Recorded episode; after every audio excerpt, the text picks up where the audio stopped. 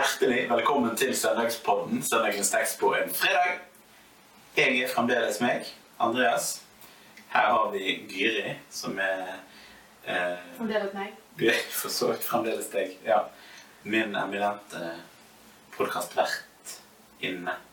Ja. Fint. Og så Kjersti, presten.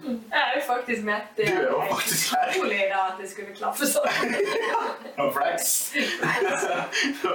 Fint at du kunne komme innom oss i dag og snakke om den tekst igjen. Ja. Det er jo um, altså bots- og bønnedag på søndag, og det er en eh, Nå, nå kom liksom Har vi hatt denne teksten før? Jeg tror ikke det. Nei, jeg tror faktisk ikke vi har det. Det er jo nesten litt utrolig, for det er jo en av verdens mest kjente bibeltekster. Ja. Men jeg skjønte ingenting. Vi fikk en sånn lang melding av Gyri med masse emojis. Så du det? ja, for jeg tenkte for Når vi skulle planlegge denne innspillingen, så fikk vi jo da eh, masse emojis. Og jeg er jo sånn som fort kan svare med masse emojis fordi jeg syns det er litt gøy.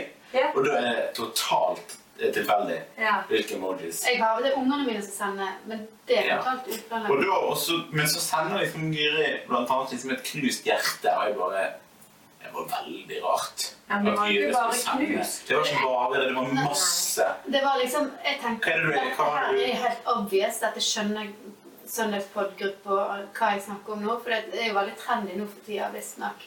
Følge luthersk kirketidene, tror jeg. Og driver med sånn eh, emoji Veldig glad for det? Luthersk er trendsetterne Ja, her. det er Ja, emojis-teologi. Ja, sant? Ja. Eh, og det prøvde jeg meg på. ehm, der jeg hadde, hadde en, eller en litt eldre mann, jeg hadde en litt yngre mann. Jeg hadde hjerte som ble knust, jeg hadde vinking, jeg hadde penger, jeg hadde eh, vin. Jeg hadde festing. Oi. Altså sånn dame som fester, Ja. mann som fester. Ja, Jeg hadde griser til slutt, og et tomt fat. Og så hadde jeg eh, et hjerte som hadde en sånn bandasje på, som ble liksom helt. Ja.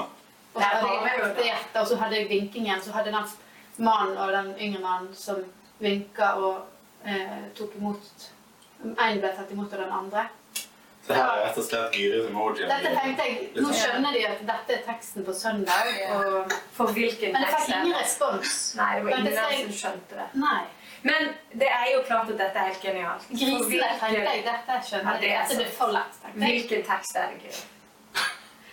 Ja, hva er det egentlig? Den, barmhjert... Nei, den eh, bortkomne sønnen, sant? Ja, den har vel hen... Han har hett så mye forskjellig. Han har hett noe forskjellig i de, alle de siste Ja, biblene. heter hjem. Ja, Det det er begynte jo med at han hette eh, Den bortkomne sønn.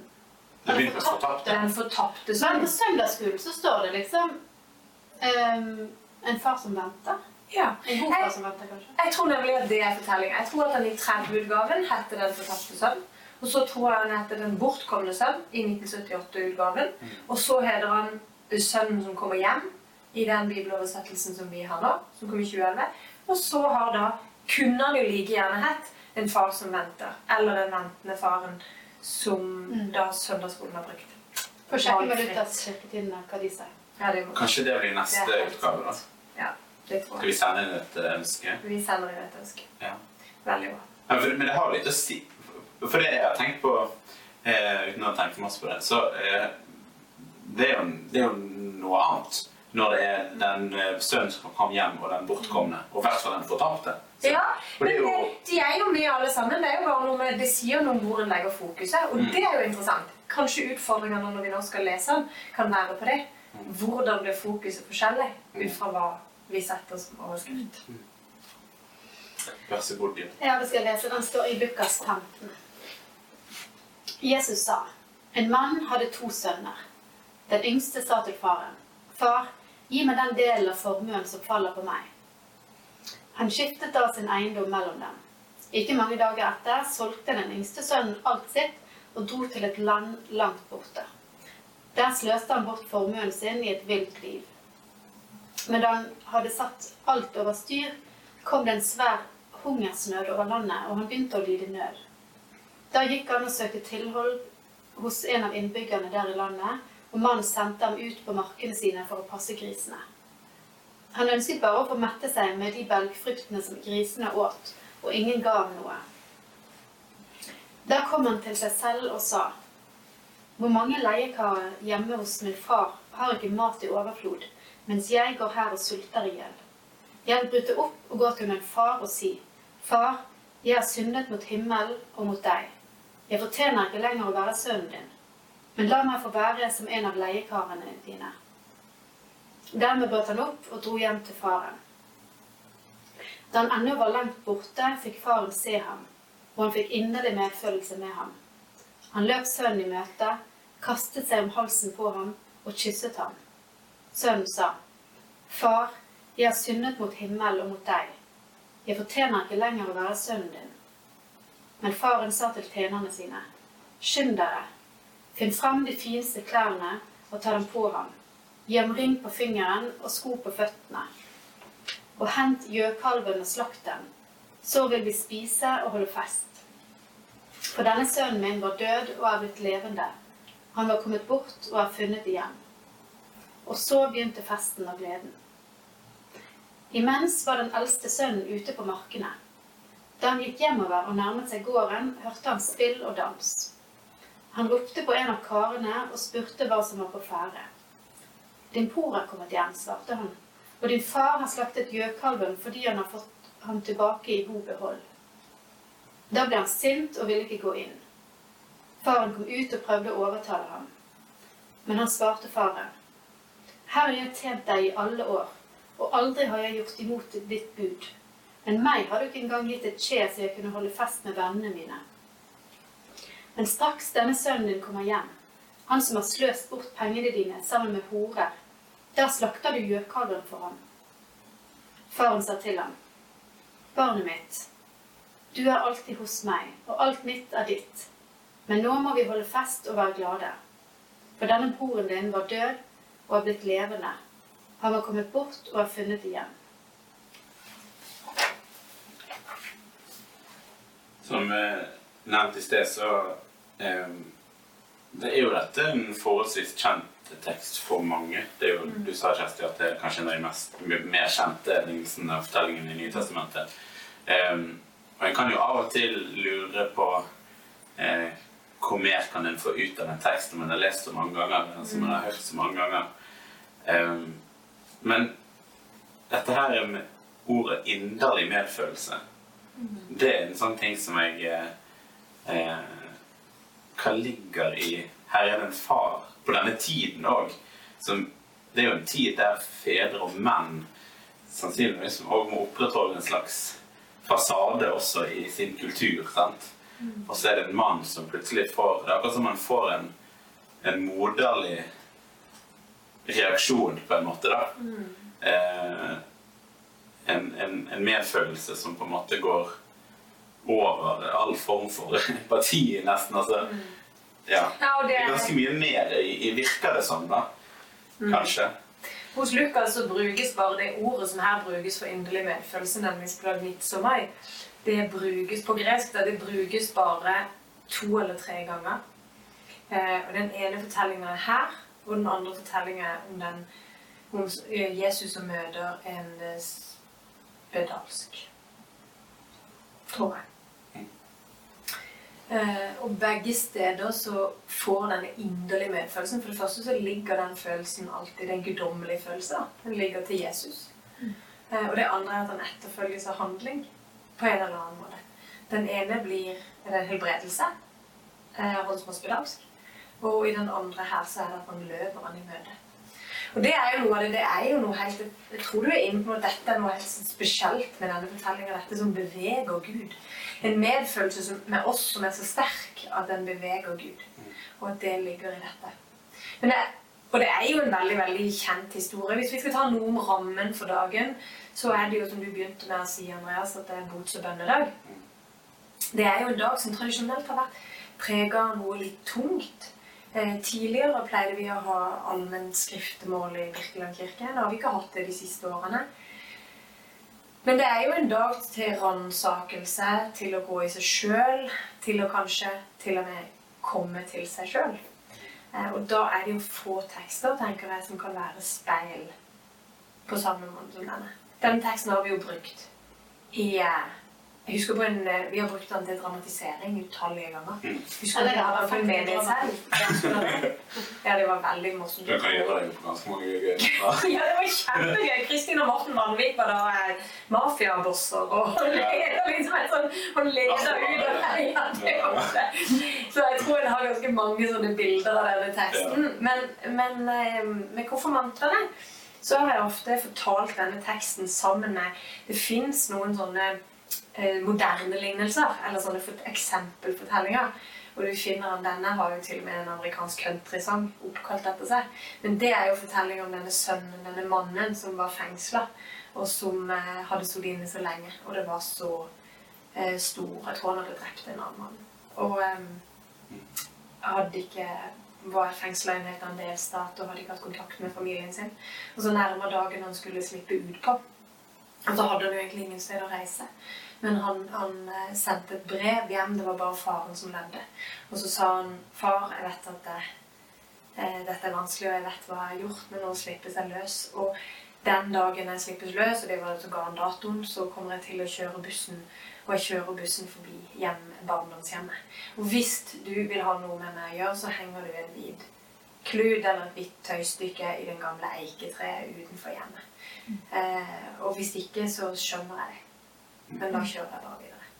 Og så setter han seg på bussen, og så kjører bussen, og så nærmer han seg, og denne gutten eller mannen begynner da å bli så nervøs. Og han, eh, han har ingen steder å dra. Eh, og så eh, er han jo kjent, for dette var jo stedet han vokste opp. Så når de nærmer seg, så er han så redd at han klarer ikke engang å se sjøl. Så han bare eh, spør nabo, den som sitter ved siden av ham på bussen, og så sier han i enden av denne veien så kommer vi til et stort uh, hvitt hus, og der er det stor, med et stort eigetre utenfor. Uh, kan du være så snill å se for meg om det henger et hvitt tørkle eller et hvitt tøystykke i det treet eller ikke? Uh, og så sitter han med lukka øyne. Han kan veien så godt at han vet akkurat hvor de er hen i gata. Og han vet at de nærmer seg, og han som sitter ved siden av han forblir helt stille. Og så, når han skjønner at de er kommet til huset, så sier han Er det et hvitt tøystykke i treet? Og så sier han som sitter ved siden av nei. Hele treet er fullt av hvite tøystykker. Det er ikke bare ett. Og det er jo en sånn moderne fortelling av samme, for dette er jo en sønn som da Han ber om arven. Det var det samme som å si at jeg anser deg som død. Det var å ta et oppgjør. Når du tok ut farsarven før faren din var død, så var det egentlig som å si nå vil jeg ikke ha mer med det å gjøre. Og så står det jo faktisk at han reiser bort og kaster de vekk på penger og damer og rus og, og alt som er.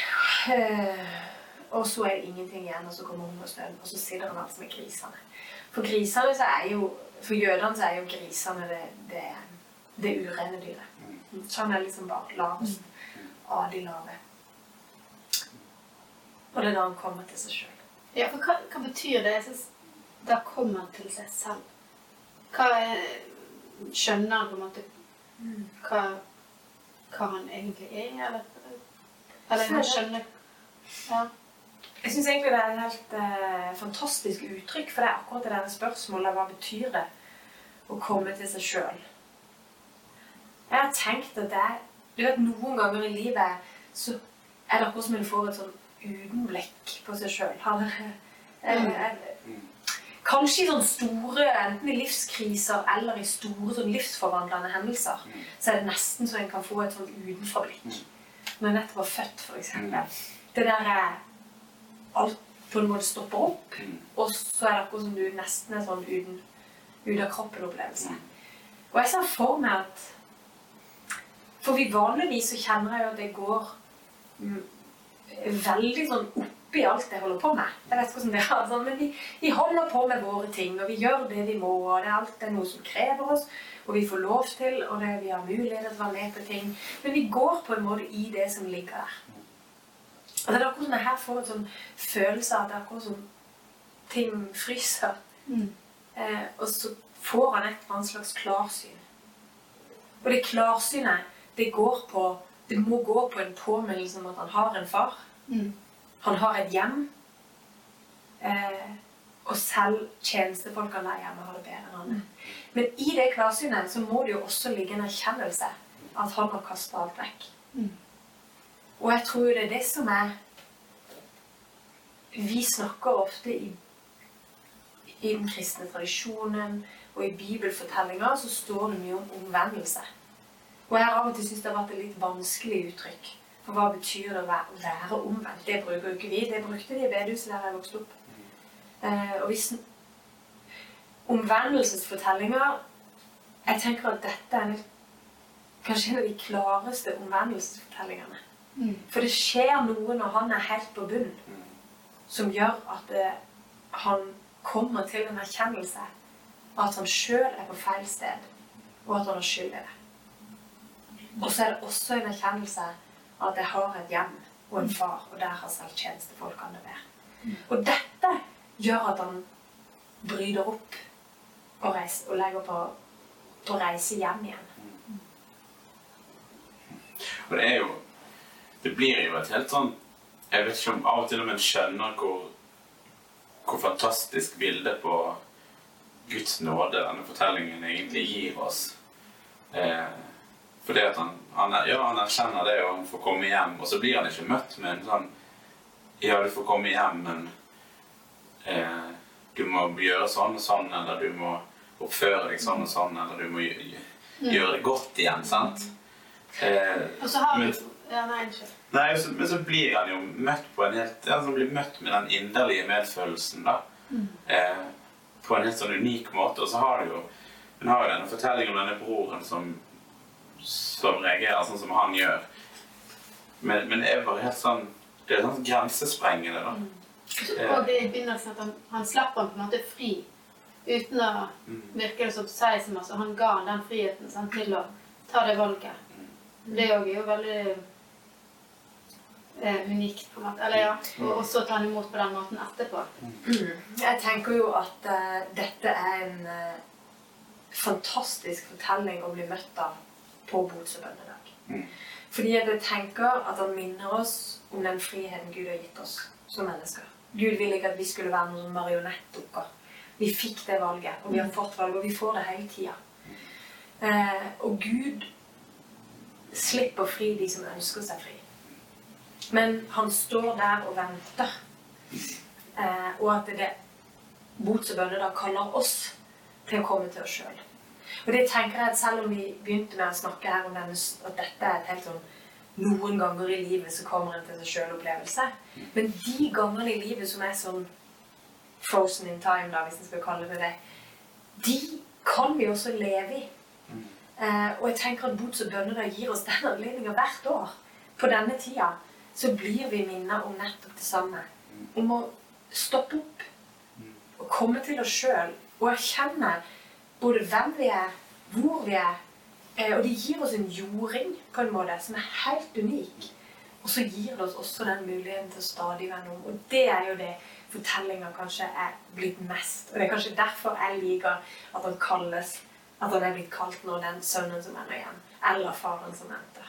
Fordi at den beskrivelsen av den faren som står og venter, eh, og som står og jeg ser for meg som han står og steider, og en Gud som venter uten å ha Gud viser her menneskelige følelser, men uten de menneskelige begrensningene. For vi, hvis vi ville som forelder, selv som forelder, blitt sånn avvist, så ville vi nok kjent på Jeg tror da er det helt menneskelig å kjenne på, på en grad av sinne, eller bitterhet, eller sårhet, eller forsmåddhet. Men her står det at Gud, Gud har ikke de følelsene. Men han står med inderlig medfølelse. Og den inderlige medfølelsen setter han rett og slett i bevegelse. Så han ikke bare står og venter, men det står at han løper han i møte. Og et av de vakreste Hvis jeg kan gi ett boktips, kan jeg det. Det fins en bok. En, en, eh, han var opprinnelig nederlender. Han er nå død, men han var en toneangivende teolog på 80-tallet og 90-tallet som heter Henry Nowen. Han, var, han flytta til USA og han ble professor i teologi. Eh, han var først katolsk prestevigsla, og så ble han professor i teologi på Yale. Veldig anerkjent. Og han var veldig anerkjent, for å si det sånn. Så han reiste rundt, holdt foredrag. Hadde eh, veldig sånn oppadgående akademisk karriere. Og så får altså denne mannen et kall til å bryte opp fra det akademiske livet, der han levde som en slags sånn akademisk eh, stjerne, Mm. eh, og bosette seg i et eh, fellesskap som en eh, annen teolog som heter Jean Vanier, hadde bygd opp for psykisk utviklingshemmede. Som ble kalt Le Arch-bevegelsen. Eh, Henry Nolan bryter opp, og han bosetter seg der. Og fra da så fortsetter han å reise og har noen foredrag, men han reiser aldri alene. For han sier at eh, Gud, Jesus sendte oss to og to. Så han reiser alltid med en av de som bor sammen med ham i dette fellesskapet. Og det gjorde sånn at han ble av og til avbrutt. Han måtte av og til vente. Det var ikke alltid det gikk så fort, men sånn var det. Gud hadde Jesus sendte oss alltid to og to. Eh, og, og så eh, har han skrevet en bok som handler om dette bildet til Rembrandt. Jeg vet ikke om dere ser det for dere. Den eh, sønnen som vender hjem, da, eller den bortgående sønnen, eller hva vi skal kalle det. Men Rembrandt har malt dette. Og i dette Rembrandt-bildet, som henger i St. Petersburg, på eh, Hva er det det heter, Guri? Ermitasjen. Eh, han Henry Nolan reiste der og satt altså foran det bildet i dagevis. Eh, og så forteller han denne fortellinga knytta til vårt liv, eh, til teologien, men knytta til denne fortellinga i møte med dette bildet. Hvis en ser nærmere på det bildet, så har Gud Hvis du bare ser på hendene, for da er det jo Gud som er faren. Det er Gud som står og venter. Og én hånd er brei og kraftig, som en slags farshånd, og den andre er smal og feminin, som en slags morshånd. Og du begynte med å snakke om dette, at her er den Guds både kvinnelighet og mannlighet i denne faren som på en måte møtes. Eh, lyset stråler ut fra ansiktet til faren og fra hendene, som da legger seg om denne sønnen som er barbert, som er kledd i filler, som har bare én sko. Eh, og så er det helt fantastisk eh, bilde av den omfavnelsen. Og så forteller han dette som vår fortelling. Som vår fortelling om eh, de gangene vi kaster bort det vi har, eller gjør det vi ikke skulle gjort, eller går på trynet, eller gjør ting som vi eh, bruker pengene våre uvettig, eller er en del av et forbruk som vi vet er galt. Eh, og så handler det om å av og til tillate seg å komme til seg sjøl. Av og til tvinges vi til det, av og til må vi oppsøke muligheten sjøl, som på botsabønne der. Og så handler det mest av alt om den Gud som alltid står og venter. Drevet av en inderlig medfølelse også til oss. Eh, og denne omfavnelsen han møter oss med. Og så handler det også om at av og til så kan vi føle oss mer som den sønnen som er hjemme. Som er smålig, som ikke klarer å glede seg over andre, eller ikke klarer å glede seg over Som er misunnelige, som er Som er rett og slett Ikke ser det han har. Ikke ser det han har. Kanskje jeg kjenner jeg av og til at jeg føler meg like mye der. Og når du leste i dag, så ble jeg bare minnet om at det, det er en utrolig sterk fortelling. For det står faktisk at faren forlater festforberedelsene for å gå ut og snakke med sønnen. Så på samme måte som han går den bortkomne sønnen i møte, Det var fint at han gikk og overtok ja, så går han ut til denne forsmådde med de følelsene som vi har, som vi kanskje faktisk skammer oss enda like mye over. Eh, og så også omfavner han han på sin måte. Det var fint. Det har jeg ikke tenkt på. Mm. Veldig fint.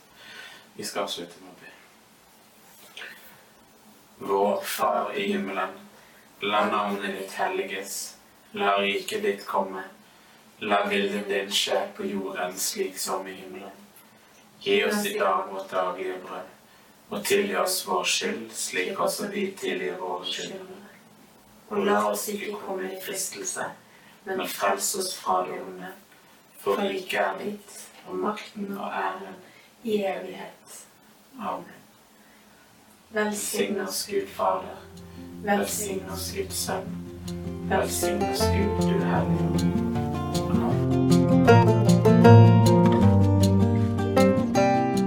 Takk for at du lyttet til denne episoden av Søndagspodden. Likte du det du hørte? Gi oss gjerne en tilbakemelding og stjerner i Apple Podcast Player-appen. Følg oss gjerne på Instagram under brukernavnet Søndagspodden. Og del den gjerne med noen eh, du kjenner som kan ha stor glede av eh, denne podkasten. Vi snakkes.